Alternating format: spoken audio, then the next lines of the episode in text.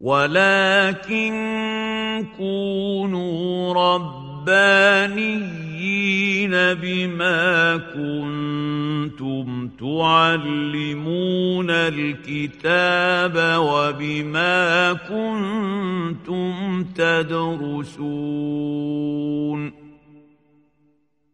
بسم الله الحمد لله والصلاة والسلام على سيدنا رسول الله محمد صلى الله عليه وعلى آله وصحبه. وسلم تسليما كثيرا طيبا مباركا فيه إلى يوم الدين.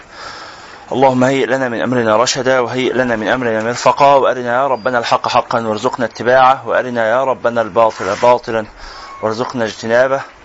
واقبضنا إليك غير ضالين ولا مضلين. برحمتك يا أرحم الراحمين. اللهم آمين. ثم أما بعد نواصل رحلتنا في رحاب تفسير الجزء الثلاثين من القرآن الكريم.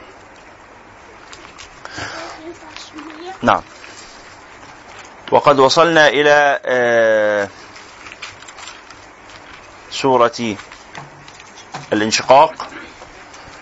وقرأنا قوله تعالى إذا السماء انشقت وأذنت لربها وحقت وإذا الأرض مدت وألقت ما فيها وتخلت وأذنت لربها وحقت. يا أيها الإنسان إنك كادح إلى ربك كدحا فملاقيه فأما من أوتي كتابه بيمينه فسوف يحاسب حسابا يسيرا. وكانت أختنا سلمى سألت سؤال مهم في المجموعة ونجيبها عنه الآن. تقول نحن وإحنا بنقرأ المرة اللي فاتت التفسير وجدنا أنه كثير من الآيات سبق معناها في آيات سابقة. تذكرون هذا؟ كثير لما نقرأ آية نقول والله شبه المعنى اللي في الآية الفلانية. فلماذا كرر الله سبحانه وتعالى هذه المعاني ولم يكتفي بذكرها مرة واحدة في واحدة من الصور؟ بل تتكرر أكثر من مرة. وهذا سؤال عن حكمة التكرار في القرآن إجمالا. بتعمل إيه يا ليه يا محمد؟ يلا أقعد بقى. هذا سؤال عن حكمة التكرار آه، تكرار المعاني في القرآن الكريم وهو سؤال مهم وطيب. نجد أن قصة زي قصة سيدنا إبراهيم تكررت في القرآن في أكثر من ثلاثة يعني تكررت أكثر من 93 مرة. طيب 93 مرة ليه ما تجيش كلها مرة واحدة ورا بعضها وخلاص؟ ونلاقي إنه في آه، صفات زائدة. ف في آية مثلا فجاء بعجل سمين وفي الآية الأخرى فجاء بعجل حنيذ حنيذ يعني مشوي فنلاقي الآيات بتكمل بعضها بعجل سمين في آية وبعجل حنيذ في آية أخرى معناها أن المعنى إيه؟ أنتوا معانا مركزين؟ لما يقول في آية أن هو عجل سمين وفي الآية الثانية يقول أن هو عجل مشوي يبقى المعنى إيه؟ عجل سمين مشوي نضم الآيتين على بعض يكملوا المعنى فائدة التكرار في القرآن الكريم أكتر من حاجة. الحاجة الأولى هي اللي إحنا قلناها دي إنه الآيات اللي فيها المعنى المكرر ليس فيها غالبا معنى مطابق إنما فيها معنى زائد. ليس فيها أبدا معنى مطابق إنما فيها معنى زائد. يعني إيه فيها معنى زائد؟ إن فيها معنى مكمل للمعنى الأول حتى لو اتكررت الآية بنصها. هي هي حرفا حرفا برضه فيها معنى زائد. إيه المعنى الزائد؟ التكرار للتنبيه. فمجرد التكرار للتنبيه معناها إن الكلمة الثانية ليست مطابقة في معناها للكلمة الأولى. إزاي؟ لما أقول مثلا ولا المثل الأعلى، لما أقول إيه؟ رحت إمبارح رحت إمبارح رحت إمبارح الآن دول ثلاث كلمات هل الثلاثة ليهم نفس المعنى؟ لا طبعا رغم إن تكرار نفس الكلام بالظبط هو هو بنفس حروفه بنفس معناه لكن التكرار بيؤدي معنى زائد. إيه هو؟ مزيد العناية بالمعنى المكرر. مزيد الانتباه له. مزيد لفت النظر إليه وهكذا. يبقى الحاجة الأولى إنه التكرار ربما في بعض المواضع فيها زيادات على مواضع أخرى. الفائدة الأولى إن في التكرار إن في بعض المواضع فيها زيادات على مواضع أخرى. فيحصل إيه؟ إن إحنا نضم المعاني نضم الألفاظ بعضها إلى بعض لنخرج بمعاني جملية من الآية. فهمتم هذا؟ الحاجة الثانية إنه حتى لو اتكرر هو هو بلا زيادة فمجرد التكرار يا أستاذ سوريا بلا زيادة معناه زيادة تركيز وانتباه إنه خد بالك هذا المعنى مهم. انتبه إليه.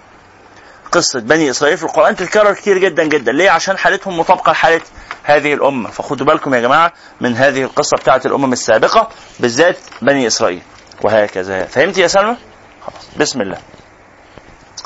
الله تعالى يقول يا أيها الإنسان إنك كادح إلى ربك كدحا فملاقيه. شرحنا هذا. فأما من أوتي كتابه بيمينه. هؤلاء أهل السرور وأهل البشر وأهل الخير يؤتون كتابهم بيمينهم. ونجد هنا في بعض المصاحف أنه في آه، علامة لا. معناها لا تقف. عارفين أنتوا علامات الوقف؟ بتبقى على رأس يعني على حسب الموضع فهي هنا على رأس الآية. يعني بعد كلمة بيمينه. موجود عند بعض الناس مش موجود عند بعض الناس. مين المصحف بتاعه فيه هنا كلمة لا؟ يرفع إيده كده. واحد اثنين ثلاثة ثلاثة بس. كويس شكرا. ثلاثة فقط من الحاضرين عندهم في هذا الموضع؟ لا. والباقيين ما عندهمش. طب هو هنا المفروض نقف ولا ما نقفش؟ إيه؟ كده أو كده؟ لا المفروض نقف طبعا. ما المفروض قصدي آه نقف. طبعا. والمفروض ما نقفش طبعا. ها؟ المفروض نقف والمفروض ما نقفش. إزاي؟ نعم يا روضة يعني ما نوقفش ما نوقف ما نوقفش أيوه. شكرا يا استاذه رضوى. يعني لا ننهي القراءة هنا إنما نتوقف ثم نواصل. يعني ما نقولش فأما من أوتي كتابه بيمينه الله أكبر. أو فأما من أوتي كتابه بيمينه صدق الله العظيم. ليه؟ لأن المعنى ما كملش. من أوتي كتابه بيمينه أيوه هيحصل له إيه بقى؟ هو ده الشرط فين جوابه؟ ها؟ فهنا الوقوف ما ينفعش. بس في نفس الوقت الوقوف ينفع لأن دي رأس الآية والنبي صلى الله عليه وسلم كان يقف على رؤوس الآية. فأقول إيه؟ فأما من أوتي كتابه بيمينه فسوف يحاسب. يبقى أنا وقفت اسمي وقفت أهو. بس رجعت إيه؟ كمل تفهمون هذا؟ معلش يعني ما في الصلاة أو حتى في القراءة. لو أنا بقرأ في مجلس أو لوحدي أو أي حاجة منهيش القراءة على مثل هذا الإيه مثل هذه الآية عشان لسه هنا المعنى لم يتم. واضح؟ معلش هو حضرتك يعني كل أسلوب الأولاني فيه نعم.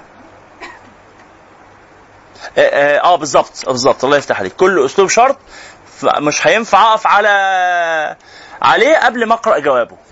بالظبط كده. طيب فسوف يحاسب حسابا يسيرا. يعني اللي هيؤتى الكتاب باليمين ماله يا رب؟ يحاسب حسابا يسيرا. هذا يستحق الإكرام. أكرمه الله سبحانه وتعالى يكرمه. وأن يكون الحساب يسيرا كرم وفضل من الله سبحانه وتعالى. ولكن الأفضل من الحساب اليسير هو عدم الحساب. عدم الحساب. وذلك لقول النبي صلى الله عليه وسلم من نوقش الحساب عذب. وذلك لقول النبي صلى الله عليه وسلم من نوقش الحساب عذب. فمجرد مناقشة الحساب إن رحت فين وجيت منين ما فيهاش لا إهانة ولا تقريع ولا حاجة مجرد مناقشة بس. فيها معنى من معاني الإيه؟ المناقشة نفسها؟ لا لا. إن المناقشة نفسها عذاب. إن المناقشة نفسها مجرد المناقشة حاجة محرجة جدا مؤلمة جدا للنفس. وهذا حتى مشاهد في دنيا الناس. ان إحنا دلوقتي لو حد قال لنا يا أستاذة رضوى مش عاملة تليفونك صامت ليه؟ شوفوا ده اللي أنا قصدته ده تطبيق عملي. طبعا أنا مش مش مشكلة التليفون براحتك يا أستاذة رضوى بس هي دلوقتي أشعرت بالإحراج. أنا مش قصدي أشعرها بالإحراج. أنا قصدي تفهمه وهي تفهم هذا المعنى. فهمتوا؟ أنا ما ما اعترضتش. ما لم انهارها العفو. يعني زميلتنا العزيزة أهلا بيها. ولا اتضايقت ولا قلت لها إن أنا متضايق ولا قلت لها لو سمحتي مش هتحضري معانا الدرس تاني ولا قلت لها اتفضلي اطلعي بره. العفو. ما عملتش أي حاجة من الحاجات دي. بس مجرد عملت إيه؟ سألتها. يا أستاذ رضوى هو أنت ليه ما قفلتيش التليفون قبل ما نبدأ الدرس؟ عشان صوته بيشوش على الناس. قامت قالت لي معلش والله أنا ما خدتش بالي وهعمله. فهمتوا هذا المعنى؟ هي الآن يصيبها ما يصيبهاش إحراج طبعا لانها خلاص من أهل المجلس فاهمين اللي عايزين نقول مجرد السؤال. مجرد السؤال محرج. فلذلك الأولى منه والأفضل إيه؟ التغافل. أعمل نفسي ما خدتش بالي. وما أنا لما أعمل نفسي ما خدتش بالي يبقى إيه؟ هي خلاص تفكر إن أنا مثلا ما سمعتش الصوت. هي عارفة إن أنا سمعته بس خلاص الموضوع اتلم. فهمتوا هذا المعنى؟ فأول مرحلة من مراحل الإيه؟ العذاب إن أنا أبدأ. اناقش ولله المثل الأعلى؟ الله سبحانه وتعالى أنت عملت كده ليه؟ وأنت عملت إيه؟ أنت رحت فين؟ جيت منين؟ أعلى منها شوية بقى التقريع. ألا تستحي؟ مش عيب يا أستاذ رضوى؟ يعني تشوشي علينا في الدرس؟ يلا ولا يهمك. ما هو جه عفو برضه بعدها أهو. بس عفو بعد إيه؟ لوم. ده أصعب. أستاذ رضوى حضرتك محروم من حضور الدرس النهارده. ده عقاب يسير. أستاذ رضوى حضرتك مش هتحضري معانا الدورة دي تاني. ها؟ عقاب أكبر شوية. أستاذ رضوى حضرتك مفصولة من مدرسة شيخ العمود. تماما. أي دورة من الدورات مش حي... مش هيسمح لك بدخولها. فهمتوا هذا المعنى يا جماعة؟ طبعا رضوى من أهل المكان تفصلنا كلنا بس يعني ده مجرد مثال استخدمناه عشان نقرب الفكرة لحضراتكم. فأما من أوتي كتابه بيمينه فسوف يحاسب حسابا يسيرا هيتحاسب بس حساب بسيط. فالحساب البسيط ده لما يخلص تخرج من الامتحان فرحان وينقلب إلى أهله مسرورا يرجع تاني لأهله هي الحمد لله عديت فلت نجحت. نعم. نعم. وينقلب إلى أهله مسرورا. الحمد لله يا جماعة. ده أنا النهارده ربنا أكرمني وإيه؟ وتجاوزت هذه المرحلة الصعبة اللي اسمها الحساب. تجاوزت هذه المرحلة الصعبة اللي اسمها الحساب. تعالي يا أستاذة ندى في هنا مكان. وسعوا لأختكم يا جماعة. طيب. الله أكبر. وأما من أوتي كتابه وراء ظهره الحل الآخر بقى. ها فاكرين المرة اللي فاتت لما كانت أختكم بتسألني يعني إيه وراء ظهره؟ قلنا المقصود بها الإيه؟ الإهانة والإبعاد. ولله المثل الأعلى؟ لو أنا بتكلم مع علي علي صاحبي. وبقاله فترة طويلة مسافر ولسه جاي دلوقتي. أهو ما نعمل إيه؟ آه يا علي. امم ادوا له بتاع. شايفين أنا بتكلم إزاي؟ علي قاعد هنا. وأنا أكلمه هكذا عامل مديله ظهري كده وبقول آه، ادوا البتاع دي لع- لعلي. خليه يمشي. فهمتم هذا يا جماعة الخير؟ هو أنا ليه حاسسكم النهارده مش مركزين؟ مش نركز ونصحى كده مع بعض؟ حد عنده مشكلة؟ حد المواصلات مضايقاه؟ ها؟ سواقين الميكروباصات رخمين ومتعبين؟ معلش اعفوا عنهم لوجه الله. رجاء أن يعفو الله تعالى عنكم. متضايقين من الشمس؟ ما خلاص الصيف قرب يخلص أهو كل سنة وأنتم طيبين. داخلين على شهر تسعة والخريف جاي بعد 15 يوم. متضايقين من الزحمة؟ خلاص هانت قربنا نموت. تتضايقوش ها؟ تتضايقوش عشان أي صعوبة بنواجهها في الحياة هتخلص بعد شوية صغيرة. الله. وأما من أوتي كتابه وراء ظهره يعني بإهمال كده وإبعاد فسوف يدعو ثبورا. يا لهوي. يا ويلي. يا مصيبتي. يا بلائي. ثبور أي هلاك. فسوف يدعو ثبورا يعني يقول يا ريتني أموت الوقت أهو ولا ولا يكملش اللي حصل لي ده. فسوف يدعو ثبورا.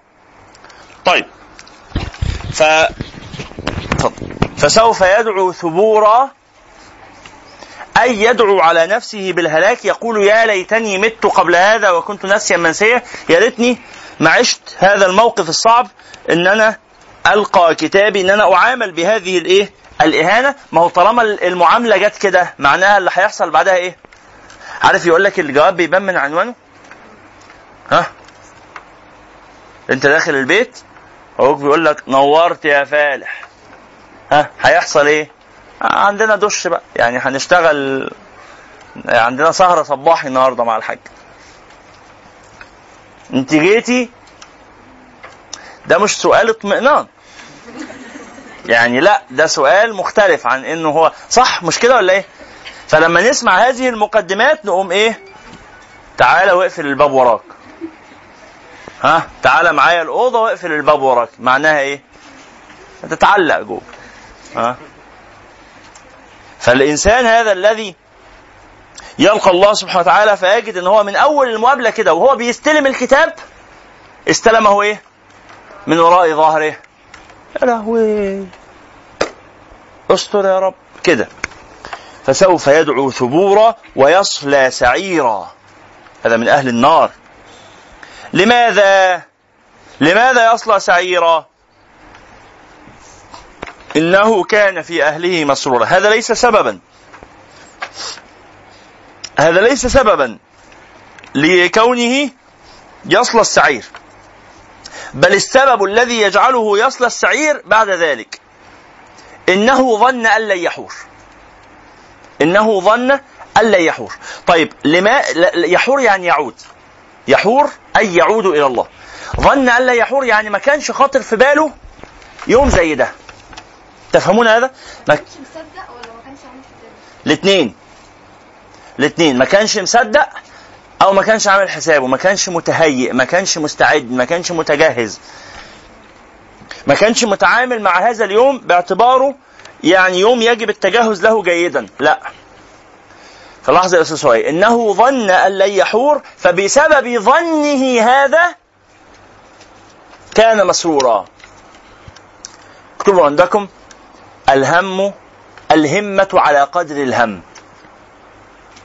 الهمة تفضل الهمة على قدر الهم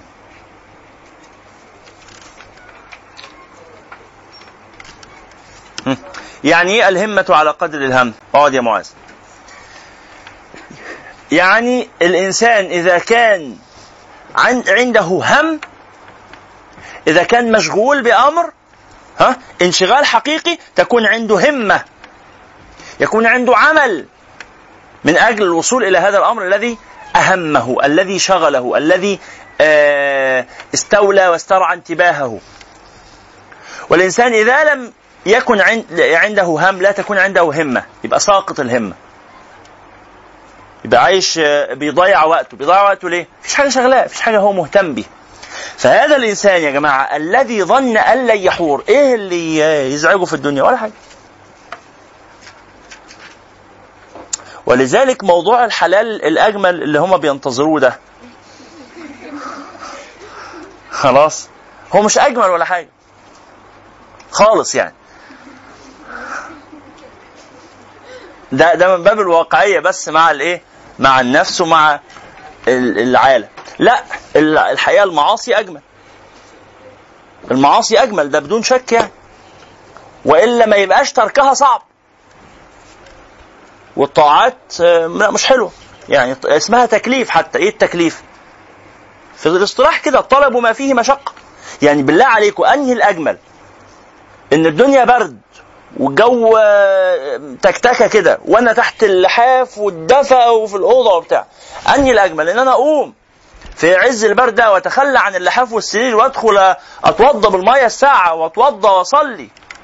وبعدين على ما ارجع تاني يكون السرير برد آه، أقوم داخل عليه كده وهو ها راح منه ده أنا ده بقالي ثلاث أربع ساعات نايم بدفيه عشان أوصل إلى هذا الإيه؟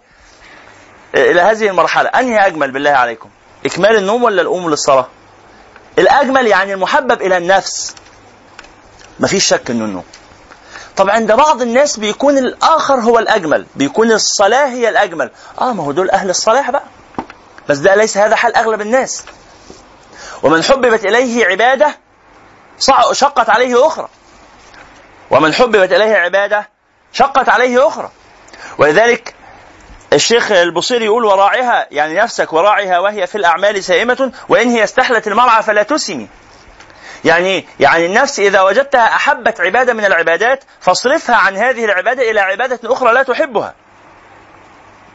فاصرفها عن هذه العبادة إلى عبادة أخرى لا تحبها حتى ترتاض النفس سائر العبادات المختلفة فلا تجعلها دائما ترعى يعني تأكل في عبادة واحدة نوع لها العبادات لأن في عبادة سهلة عليك عبادة ثانية فيها مشقة اعمل إيه؟ لن تنالوا البر حتى تنفقوا مما تحبون. شو قلنا مرة فاتت حديث الجنة لما خلقت؟ قلناها صح؟ لما خلق الله الجنة. ها؟ لما خلق الله تعالى الجنة وحسنها وهيأها ثم قال لملائكته انظروا إليها فنظروا إليها قال كيف وجدتم؟ قالوا سبحانك ما أحسن خلقها وصنعها. عجبنا لمن سمع بها ثم لم يدخلها. خلاص أكيد كل الناس هيدخلوها يسمعوا بس كده وصفها هم على طول هيشتروا. ف فحفها الله سبحانه وتعالى أمر بالجنة فحفت بالمكاره. حاجات الصعبه حواليها حاجات شكلها من بره وحش كده. ثم قال انظروا إليها فنظروا ثم قال كيف وجدتم؟ قالوا سبحانك. والله خشينا ألا يدخلها أحد. خشينا ألا يدخلها أحد دي بقت شكلها من بره وحش قوي صعبة. مكاره شيء مكروه للنفس. ها؟ ثم قال انظروا إلى النار فنظروا إليها فقال كيف وجدتموها؟ قال والله ما نظن أحدا يسمع بها ثم يفعل ما يستوجب دخولها. أبدا مستحيل يعني حد يعرف إن دي موجودة ويدخلها. فحفها بال بالإيه؟ بالشهوات بقى. حاجات شكلها حلو كده ومزهزهة وجميلة.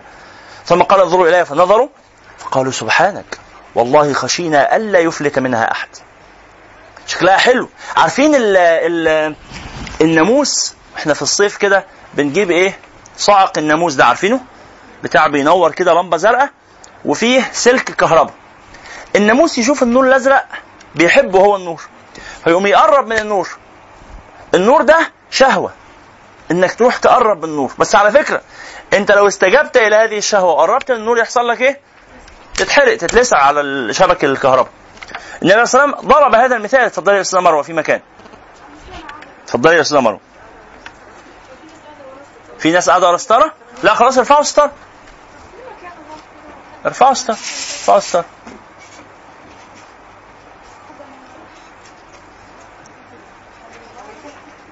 يلا علميهم الصنعة يا أستاذ. المسألة دي أكيد أخذت منك خبرة وتدريب ومعسكرات إعداد. ربنا يبارك فيكم. طيب. يبقى اذا الله سبحانه وتعالى لما خلق الجنة جميلة الجنة لكنها محاطة بالإيه؟ بالمكاره بالحاجات صعبة فتبص لها من بره صعبة. والنار لا جميلة. المعاصي حلوة. المعاصي حلوة نقوم نعملها ها؟ يعني ده درس لتحبيب المعاصي إلى النفس. يلا يا جماعة ها؟ روحوا اعملوا المعاصي عشان هي حلوة. نعوذ بالله. بنقول هي حلوة زي النار زي زي الايه النور الأزرق المريح اللي شكله حلو اللي بيجذب الناموس. خد بالك دي فيها نار ده هتلسعك بالكهرباء ده أنت هتموت مصعوق والنبي صلى الله عليه وسلم شبه بهذا قال إن مثلي ومثلكم كمثل رجل أوقد نارا. فجعل الفراش يأتي. الفراش بيحب النور بيقرب من النور. فجعل الفراش يأتي يسقط في ناره وهو يحجزه عنها. قاعد الراجل اللي مولع النار دي عمال يحوش الفراش مش عايز يقع في النار. فأنا أخذ بحجوزكم إلى الجنة بحاول أشدكم للجنة وأنتم تسقطون مني في النار. ليه؟ شهوة الإنسان كده. يلا أنا عايز أقرب من النور. عايز أقرب من الشهوة. عايز أقرب من المعصية.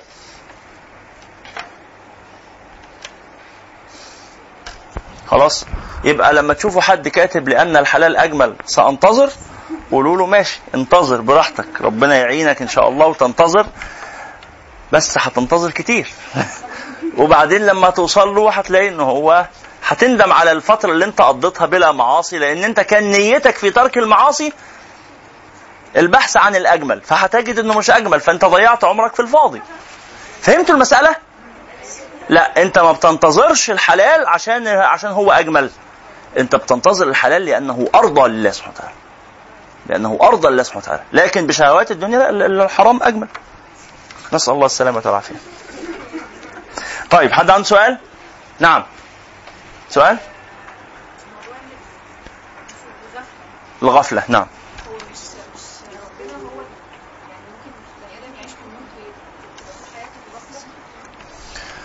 نسأل الله السلامة نعم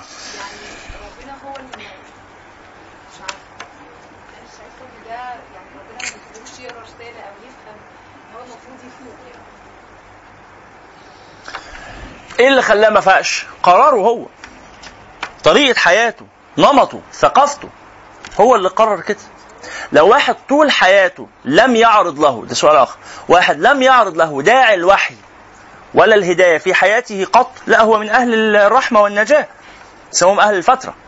لكن الذي جاءه الرسول أو جاءه مبلغ صادق مؤتمن عن الرسول ها وذكره ونبهه ثم هو لم ينتبه يبقى هو اللي عنده مشكلة. نسأل الله السلامة. يبقى اذا ما الذي جعل هذا الإنسان مسرورا يا جماعة؟ ها؟ السرور جاي منين؟ السرور جاي من أنه ظن أن لن يحور. لأنه لو علم أنه سيحور يعني سيعود لا لا لسر أم لا حزن؟ حزن. ولذلك النبي عليه وسلم يقول لو تعلمون ما أعلم حديث عجيب. لو تعلمون ما أعلم لضحكتم قليلا. ولبكيتم كثيرا. ولخرجتم إلى الطرقات تجأرون إلى الله تعالى. لو تعلمون ما أعلم لضحكتم قليلا. ولبكيتم كثيرا. ولخرجتم إلى الطرقات تجأرون. يعني تجأرون؟ تجأرون يعني تصرخون. تخرجوا تصرخوا في الشوارع. لو عرفتوا. بس إحنا ما مش عارفين. ولذلك الغفلة سبب للراحة. والعلم سبب للشقاء. الغفلة سبب للراحة. عايزين ترتاحوا؟ عيشوا بهايم البهايم مرتاح. صح ولا إيه؟ الغوا عقولكم. هتلاقوا نفسكم بتفرحوا بالحاجات الهايفة. هتلاقوا نفسكم ما بتفكروش كتير. هتلاقوا الحياة ينفع تبقى ممتعة. لكن كل ما تفهم كل ما تعرف إنه إيه؟ إيه؟ كل ما الهم يزيد. بالظبط كل ما الهم يزيد. وضع صعب. ولذلك يقولوا المجانين في نعيم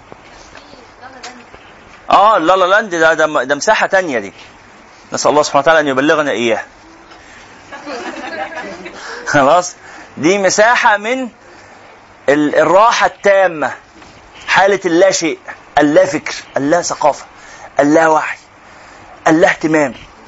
اللا أي حاجة. هي مساحة فاضية بيضة كده وبس. حلوة. ها؟ بالظبط. آخرتها جهنم وبئس المصير. حلوة. لذلك قلنا نسال الله ان يبلغنا إياها بس يوم القيامة بقى. مش في الدنيا. لأن النبي عليه الصلاة والسلام قال إن الله تعالى لا يجمع لعبده بين خوفين ولا بين أمنين. إن الله تعالى لا يجمع لعبده بين خوفين ولا بين أمنين. فمن أمن في الدنيا خاف يوم القيامة. ومن خاف في الدنيا أمن يوم القيامة. ها لاحظ أنا في الدنيا عايش لا لا لاند مفيش يوم القيامة خلاص. في هم بقى. مكتوب لك شوية هم لازم تاخدهم. ما اخدتهمش في الدنيا خدهم بقى يوم القيامة. لا هم الاخره أهون. هم الدنيا قصدي أهون. هم الدنيا أهون. إن الله تعالى لا يجمع لعبده بين أمنين ولا بين خوفين. فمن أمن في الدنيا خاف يوم القيامة. ومن خاف في الدنيا أمن يوم القيامة. ولذلك الشاعر يقول إيه؟ ذو العقل يشقى في النعيم بعقله وأخو الغباوة في الشقاوة ينعم. ها؟ ده المتنبي. يقول صاحب العقل ذو العقل يشقى في النعيم بعقله. هو في نعيم بس شاقي رغم إنه في نعيم هو نعيم العلم. ده نعيم عظيم. نعيم العقل نعيم عظيم. بس هو يشقى في النعيم. وأخو الغباوة. عايش في شقاوة. شقاوة الجهل وشقاوة الظلمات. بس هو حاسس مبسوط. الله. ليه ما مش فاهم. مش فاهم. وأخو الغباوة في الشقاوة ينعم.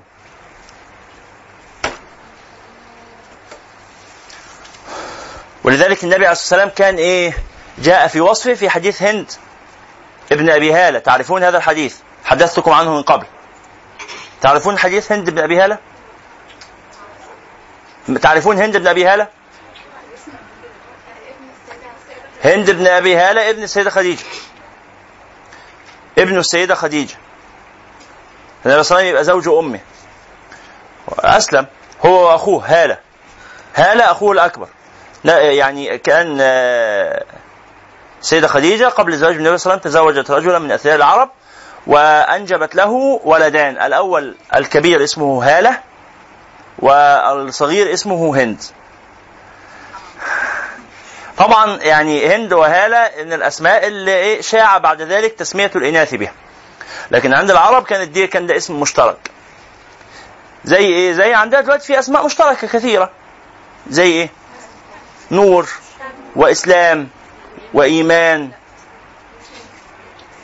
إسلام اسم مشترك آه وإيمان اسم مشترك ونور اسم مشترك وجهاد ورضا وزين وشمس. إيه تاني؟ أسماء كتير قوي وعصمت ها. حاجات كتير. إيه؟ وحكمة وشيرين. وإنعاء كفاية يعني يعني أسماء كثيرة جدا كثيرة جدا. خلاص؟ وإنعام وغيره. فهو كان عندهم من ضمن الأسماء المشتركة اسم إيه؟ هند واسم هالة فالكبير كان اسمه هالة والصغير كان اسمه هند.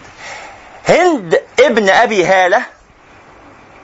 فهمتوا بقى إزاي هند ابن أبي هالة؟ اخوه الكبير اسمه هالة. فأبوه اسمه أبو هالة. فهو اسمه هند ابن أبو هالة. هند بن أبو هالة هذا مدح النبي عليه الصلاة والسلام في حديث جميل من أجمل الأحاديث اللي فيها وصف خلقة رسول الله.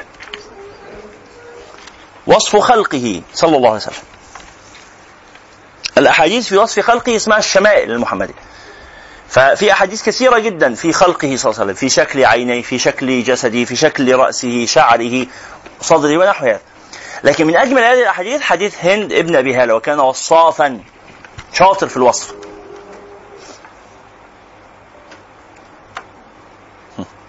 فمن ضمن أوصاف النبي عليه الصلاه والسلام أنه كان دائم الفكرة متواصل الأحزان.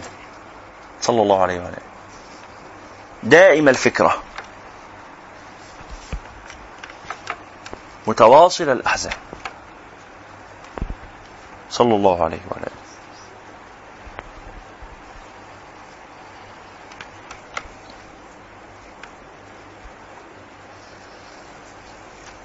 ولذلك الصحابة رضوان الله عليهم جاء في وصفهم أنهم كانوا مكتهلون في شبابهم. مكتهلون. يعني إيه مكتهلون في شبابهم؟ شايلين الهم. شايلين الهم. عايشين في الشباب حياة الكهول حياة الناس اللي إيه؟ اللي كبروا شوية في العمر. مش كهول طبعا مش العواجيز يعني.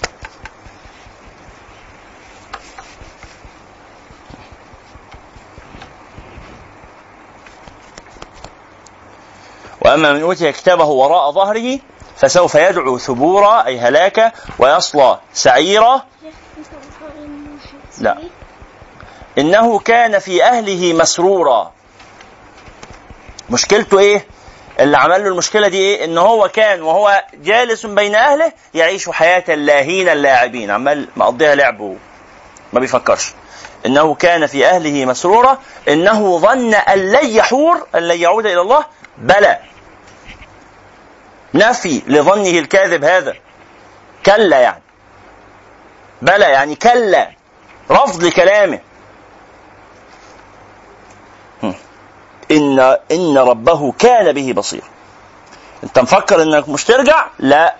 هترجع وربنا سبحانه وتعالى مطلع على أعمالك. بلى إن ربه كان به بصيرا. انتهى السياق. ثم يبدأ ربنا سبحانه وتعالى كلاما جديدا فيقول فلا أقسم بالشفق. ونحن قلنا قبل ذلك أن نفي القسم نفي القسم إيه؟ قسم. نفي القسم قسم. بل نفي القسم أبلغ في القسم. نفي القسم أبلغ في القسم. كيف يكون نفي القسم أبلغ في القسم؟